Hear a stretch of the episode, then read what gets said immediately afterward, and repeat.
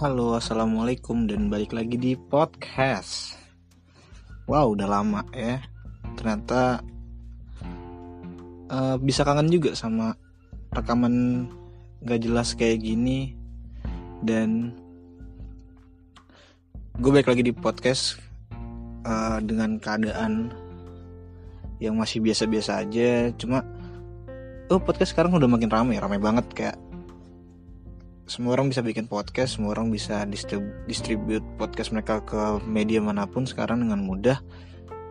Uh, I'm happy for that dan menyenangkan bisa dengar banyak uh, banyak perspektif orang terhadap isu yang mereka angkat juga. Uh, jadi welcome buat semuanya yang baru um, berkecimpung di dunia podcast dan sebenarnya ini gue nggak tahu sih mau ngerekam apa cuma kayaknya bakal bahas beberapa beberapa hal yang udah gue note di sini. Sebenarnya nggak terlalu meresahkan gue sih cuma kayak eh, meresahkan sih cuma kayak ya ini cuma nyebelin aja gitu. Ya di awal tahun udah banyak banget isu. Gue juga nggak tahu nih 2019 bakal jadi tahun apa gitu kan. Terlalu banyak terlalu banyak masyarakat yang memecah belah diri mereka sendiri.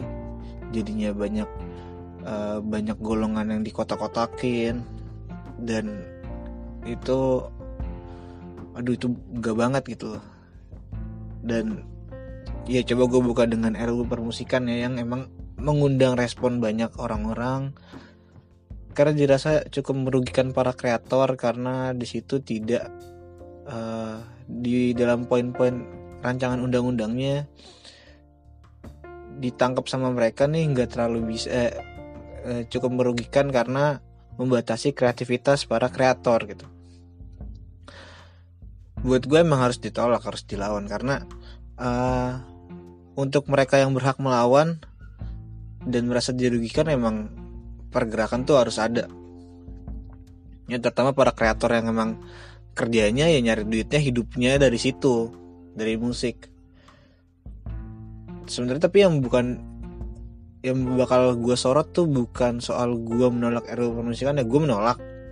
Tapi gue juga menolak gerakan-gerakan teman-teman yang terlalu norak gitu loh. Buat apa?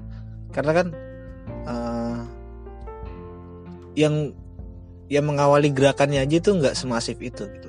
Biasa aja. Karena uh, memang ini tuh adalah hal yang butuh kajian secara mendalam buat um, merealisasikan penolakan RU ini gitu loh. Ya, emang eh, rancangan undang-undangnya tidak mungkin ditolak. Toh ini juga masih rancangan. Mungkin eh, kemungkinan terbesarnya adalah direvisi rancangan undang-undangnya dan diperbaiki poin-poinnya. Jadi mungkin uh, penolakan terhadap poin-poinnya ya, bukan penolakan terhadap rancangan undang-undangnya. Cuma banyak dari orang-orang yang sekedar ikut-ikutan menolak rancangan undang-undang dan malah ngeramein drama-drama yang ada gitu. Sebenarnya jadinya buat apa? Kan ya kita semua tahu kalau misalnya uh, ada beberapa pihak yang sangat menolak gitu sangat masif menolak sehingga menyalahkan uh, salah satu sosok yang dianggap ada di dalam yang dianggap terlibat ada di dalam uh, terciptanya rancangan undang-undang permusikan ini dan eh, nggak uh, terima terus saling nyalah nyalahin gitu saling ngolok terus timbul pembelaan timbul klarifikasi. Jadi sekarang emang budayanya di Indonesia ya mungkin seperti itu itu ada pihak yang tidak suka terhadap pihak lain pihak lain memberikan sebuah pembelaan pihak satu lagi memberikan sebuah perlawanan nanti ada klarifikasi. Ya sebenarnya is oke okay kalau misalnya emang bakal ada kayak gitu cuma blowing up masalahnya kepa kepada ranah publik itu yang menurut gue agak salah gitu loh. Uh, dan sebenarnya ini yang butuh dijadikan sebuah evaluasi terhadap undang-undang uh, kebebasan berbicara is oke okay, emang lu punya lu punya ranah untuk lu berbicara secara bebas, lu punya sosial media untuk lu mengatakan setiap argumen lu dengan bebas, tapi tidak untuk menyebar kebencian di sosial media gitu loh. Sehingga ini netizen-netizen kita yang emang sekiranya kurang cukup uh, gimana ya? Emang tidak cukup dewasa untuk uh, hidup di dalam internet. Hidup di dalam dunia-dunia yang uh, maya yang dengan bebas lu bisa ngata-ngatain orang tapi yang lu kata itu nggak bisa ngeliat lu langsung jadi nggak bisa mukul lo gitu loh. Ini secara apa ya uh, as a human being tuh nggak banget gitu loh. Lu aduh gimana sih anjir? Ya pokoknya drama-drama kayak gitu sebenarnya tuh nggak perlu di blowing up ke sosial media gitu loh. Jadi ramenya tuh sama orang-orang yang misperception. Kalau misalnya emang lo di negara yang masyarakat cukup dewasa untuk hidup di internet is oke okay, lo boleh aja gitu berantem di sosial media dalam bentuk apa pun. Cuma kan anjir gue sih bingung ya. Ini tuh orang-orang dewasa lo yang berantem. Masih kepikiran selesain masalah via sosial media gitu via nge-tweet bahkan no mention coba lo bayangin. Uh, eh, gue di sini bukannya so oke okay, cuma kan uh, emang ini uh, perspektif gue dari seorang yang biasa aja cuma ngeliatnya aneh banget gitu. Ada ada dua pihak yang isinya orang-orang dewasa ribut nge-tweet gak mention.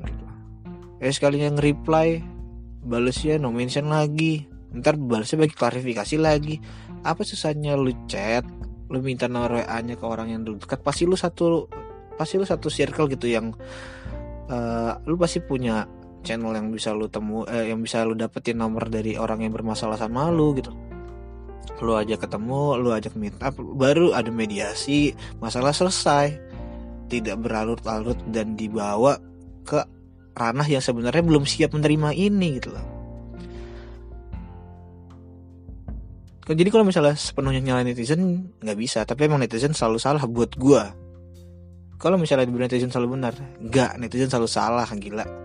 Di mana dia benernya gitu loh. Dia dia bener karena dia merasa bener gitu karena dia merasa dia punya hak untuk berbicara ya itu itu aja gitu loh. Ya sebenarnya salahnya ya di blowing up to social media ini this problem. Tapi nya ya ya sekiranya untuk kalian-kalian yang agak sadar kalian-kalian denger kalian-kalian yang punya sekira ya sekiranya punya uh, cara berpikir sama kayak gue ya sekiranya udah dibiarin aja gitu. Ya soalnya anjir ini emang sosial media udah messed up banget gitu udah duh. Isinya udah brengsek semua gitu. Masalah masalah masalah gitu. Capek gitu kan terus uh, ya sampai di bahasan yang tadi lanjut ke arah nih gue pasti pengen bahas yang lain ini nih. Penolakan Valentine. Kebetulan gue ngerekam ini tanggal 15 Februari yang kemarinnya itu hari Valentine. Eh kemarin apa hari ini ya? Eh, Valentine itu 14 ya kemarin tuh hari Valentine tapi di sini lagi nih kenapa gue bingung kenapa sih gitu Indonesia tuh kenapa sih gitu yang kayak gini bahkan ditolak gitu loh.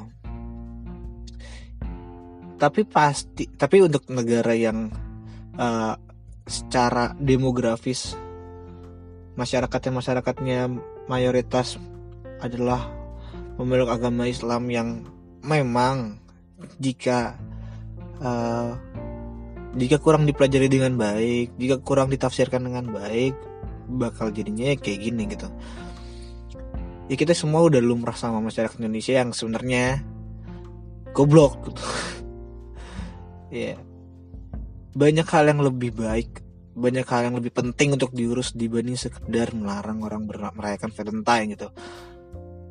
Ya Valentine itu apa sih? Maksudnya yang ditakuti itu apa gitu? Dari dirayakan Valentine gitu. Ya maksudnya apa? Uh, seks bebas gitu. Perzinahan itu tuh masalah yang harusnya emang diselesaikan gitu loh. Bukan cuma uh, lo menjadikan Valentine sebagai dalih untuk ngebawa isu itu. Dan emang kenapa sih gitu loh? Kenapa? Valentine tuh bisa jadi gimmick marketing. Dan is okay buat orang-orang yang punya usaha buat orang-orang yang kerja nyari duit itu tuh salah satu peluang mereka buat mendapatkan pundi-pundi mereka gitu. Peluang mereka buat memperbaiki hidup mereka kenapa gitu? Dan mungkin yang menolak ini adalah hidupnya sebenarnya yang belum baik-baik amat gitu. hidup yang penuh keresahan dan merasakan hal-hal yang kayak gini tuh aneh gitu. Lo meresahkan orang-orang yang merayakan Valentine.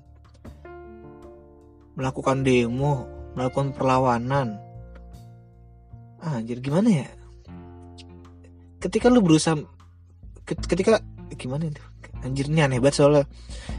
Ketika kalian berusaha memberhentikan ini ya hal ini tidak akan berhenti gitu cara memberhentikannya dia dengan tidak diberhentikan. Dan gue rasa bukan harus diberhentikan malah kalian harusnya terbiasa gitu loh. Berdampingan dengan hal-hal kayak gini. Ya anggap aja ini adalah budaya yang berbeda dari budaya yang kalian bawa selama ini gitu loh. It's okay kok nggak akan bawa dampak buruk yang seperti kalian bayangkan gitu yang emang kalian mikirnya jauh banget ya visioner banget. Mah aduh aneh aja gitu loh. Tapi ini ada lagi note lagi dari yang gue lihat ya. Kacamata gue yang norak adalah eh, yang yang norak selain yang menolak penolakan Valentine adalah orang-orang yang menolak penolakan ini gitu ya jadinya emang sebenarnya masyarakatnya sungguh pendek sih. Jadi kalau misalnya kalau misalnya ke trigger dikit nih ngamuk gitu loh. Cuma kan harusnya nggak gitu sebenarnya sih. Kayak lu tahu ada beberapa ada golongan besar yang menolak Harry Valentine. Terus lu mungkin salah satu yang tidak setuju akan penolakan itu. Ya lu sebaiknya diam saja gitu. Karena Valentine bukan hal yang harus diperjuangkan ketika sebenarnya gue bingung deh ini tuh Valentine ini kan cara memaknainya banyak ya. Bisa secara personally lu uh, mengungkapkan kasih sayang dengan bentuk seperti ini gitu loh dengan bentuk uh, dengan bentuk simbolik di hari Valentine lu ngasih sesuatu. Ya itu semoga secara personally bi, uh, bisa dimaknai gitu kan. Bisa juga dimaknai secara marketing karena emang ini sebuah tanggal yang dirayakan oleh banyak orang jadinya bisa dimanfaatkan untuk peluang dalam uh, meraup pundi-pundi uang atau juga bisa dilihat dari apa lagi ya? Ya sekiranya itulah gitu. Ya personally sama marketing gitu.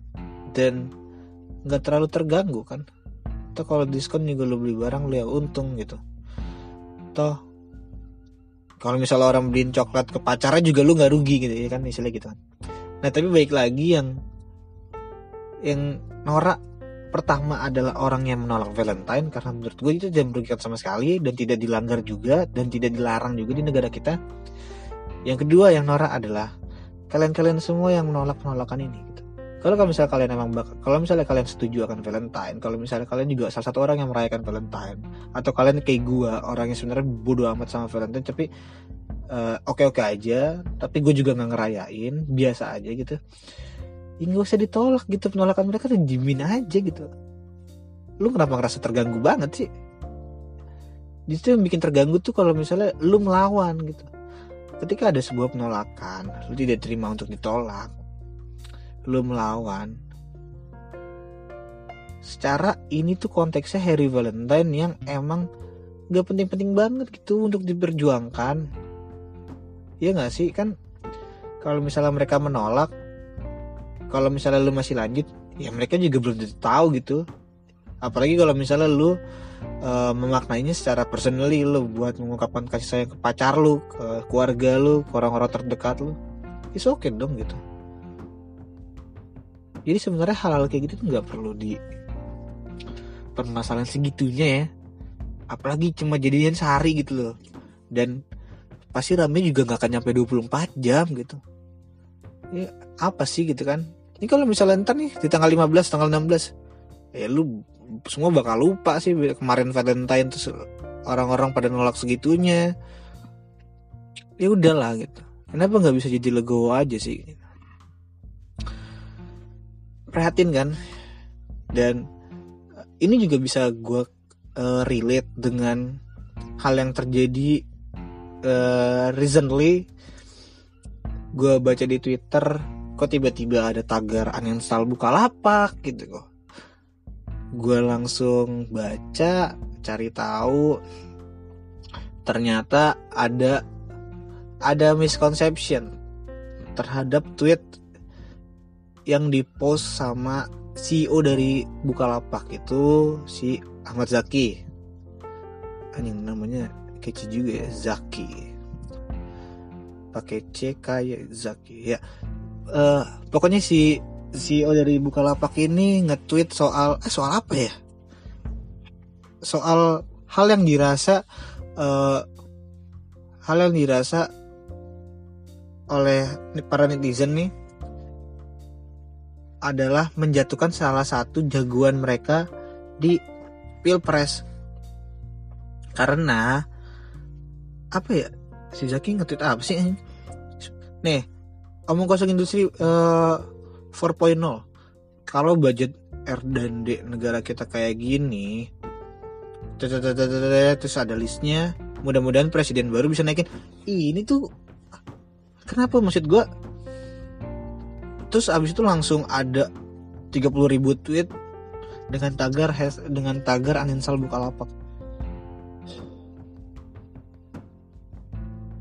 Influence gede banget gitu. Ya sebenarnya uh, that's why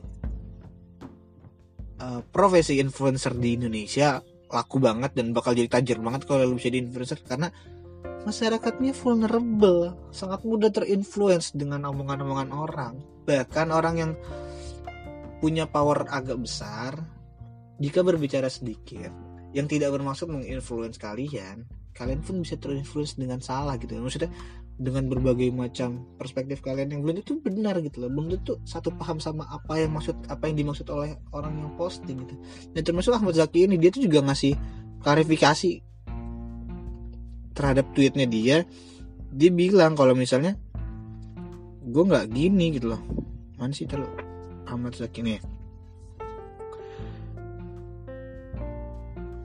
anjir dia pun langsung ngerti gitu kalau misalnya semua yang menolak dia adalah pendukung Prabowo. Eh, sebelumnya gue disclaimer dulu, gue di sini sama sekali tidak mendukung dua paslon di pilpres. Uh, ya terserah lu percaya apa enggak. Cuma gue bilang kayak gini untuk mendukung objektivitas gue aja. Nah, si Zaki ini lanjut ya. Ini si Zaki ini bilang gini. Tujuan dari tweet saya adalah menyampaikan fakta bahwa dalam 20 sampai 50 tahun ke depan kita perlu investasi di riset dan SDM kelas tinggi jangan sampai kalian dengan negara aneh banget ini tuh orang pinter gitu ini saya uh, dia cerdas gitu which is bisa punya startup gede banget buka lapak yang memang salah satu yang paling besar juga dalam uh, bidang e-commerce dia pintar gitu dia cerdas dia punya uh, dia skillful. Dan dia nggak sembarangan walaupun ya walaupun memang pasti setiap orang punya keberpihakan terhadap eh, kecenderungan akan politik gitu kecenderungan akan salah satu gitu. Ya gue tahu dia juga ke mana arahnya sebenarnya. Tapi maksud dia baik nggak usah lu terlalu nggak usah terlalu di over analyze ke mana-mana gitu dia dia bilang dia anjir dia tuh ngidupin banyak orang gitu loh lu jangan kayak gitulah aneh salah salah blok apa lu pikir emang buka letok pegawainya berapa itu yang anaknya dua yang anaknya tiga yang anaknya lagi kuliah yang anak lagi sekolah anjir jangan gitulah maksudnya ini si Zaki ini tujuannya baik menyampaikan fakta bahwa dalam 20 sampai 50 tahun ke depan kita perlu investasi di riset dan SDM kelas tinggi. Itu tuh imbauan. Tweetnya adalah menggambarkan bahwa dalam 20 tahun sampai 50 tahun ke depan Indonesia akan sedikit memprihatinkan. Jadi kalian semua harus waspada itu loh.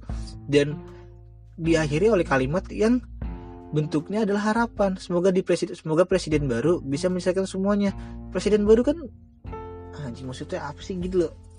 Kalian tuh lebay banget.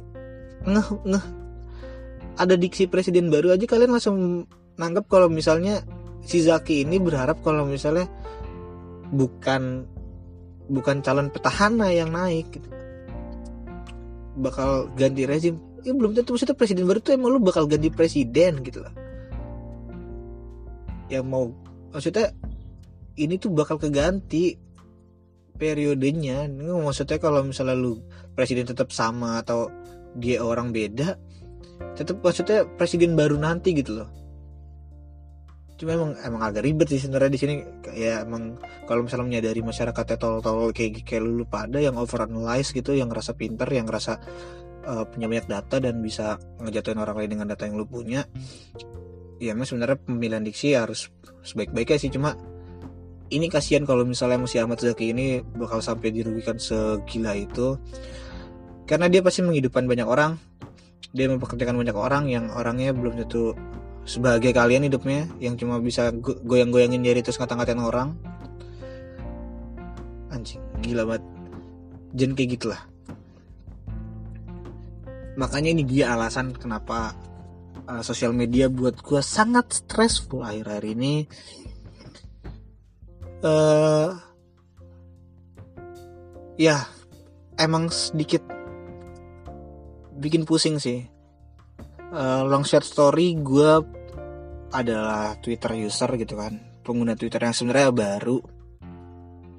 Sebelumnya gue aktif uh, eh, gue sampai sekarang walaupun uh, sebelumnya gue sangat aktif di Instagram ya walaupun sampai sekarang juga masih sering bread uh, dan gue setahun yang lalu memutuskan buat bikin Twitter karena eh, eh gue disclaimer dulu gue bikin Twitter yang fungsinya buat uh, shit posting gue jadi yang emang ada di Twitter gue adalah hal semua hal yang gue mau omongin gitu.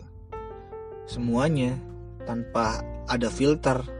Yang ada di otak gue keluar ya di Twitter gitu. Karena gue rasa di Instagram udah terlalu banyak masanya buat ngeliat shit posting gue dan gue gua rasa tuh nggak semua orang bisa lihat. Daripada gue bikin second account di Instagram berasa cewek badai kan? Gue nggak. Gue bikin Twitter gue rasa karena emang itu media platform buat gue ngoceh dan emang isi cuma sedikit cuma segelintir orang yang emang ya gue rasa oke okay lah gitu. Dan di Twitter gue juga sering ngeblok orang yang emang gue gue rasa terlanjur follow gue atau terlanjur gue follow tapi sebenarnya nggak cocok gue blok gitu.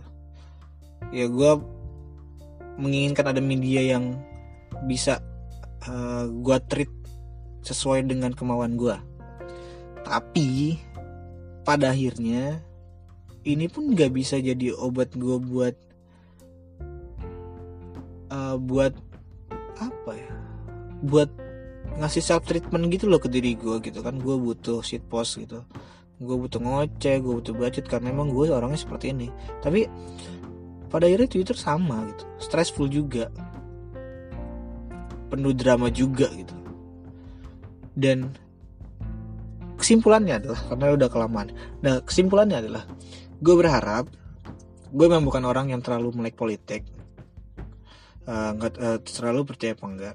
Gue emang sedikit punya analisis yang agak dalam soal berbagai hal tapi gue nggak terlalu melek soal politik. Tapi mungkin concern juga dengan eh tapi tapi mungkin concern nggak concern sih gimana tapi mungkin gue rasa pemilihan presiden itu cukup penting juga. Ya di gue nangis. Ya udah bye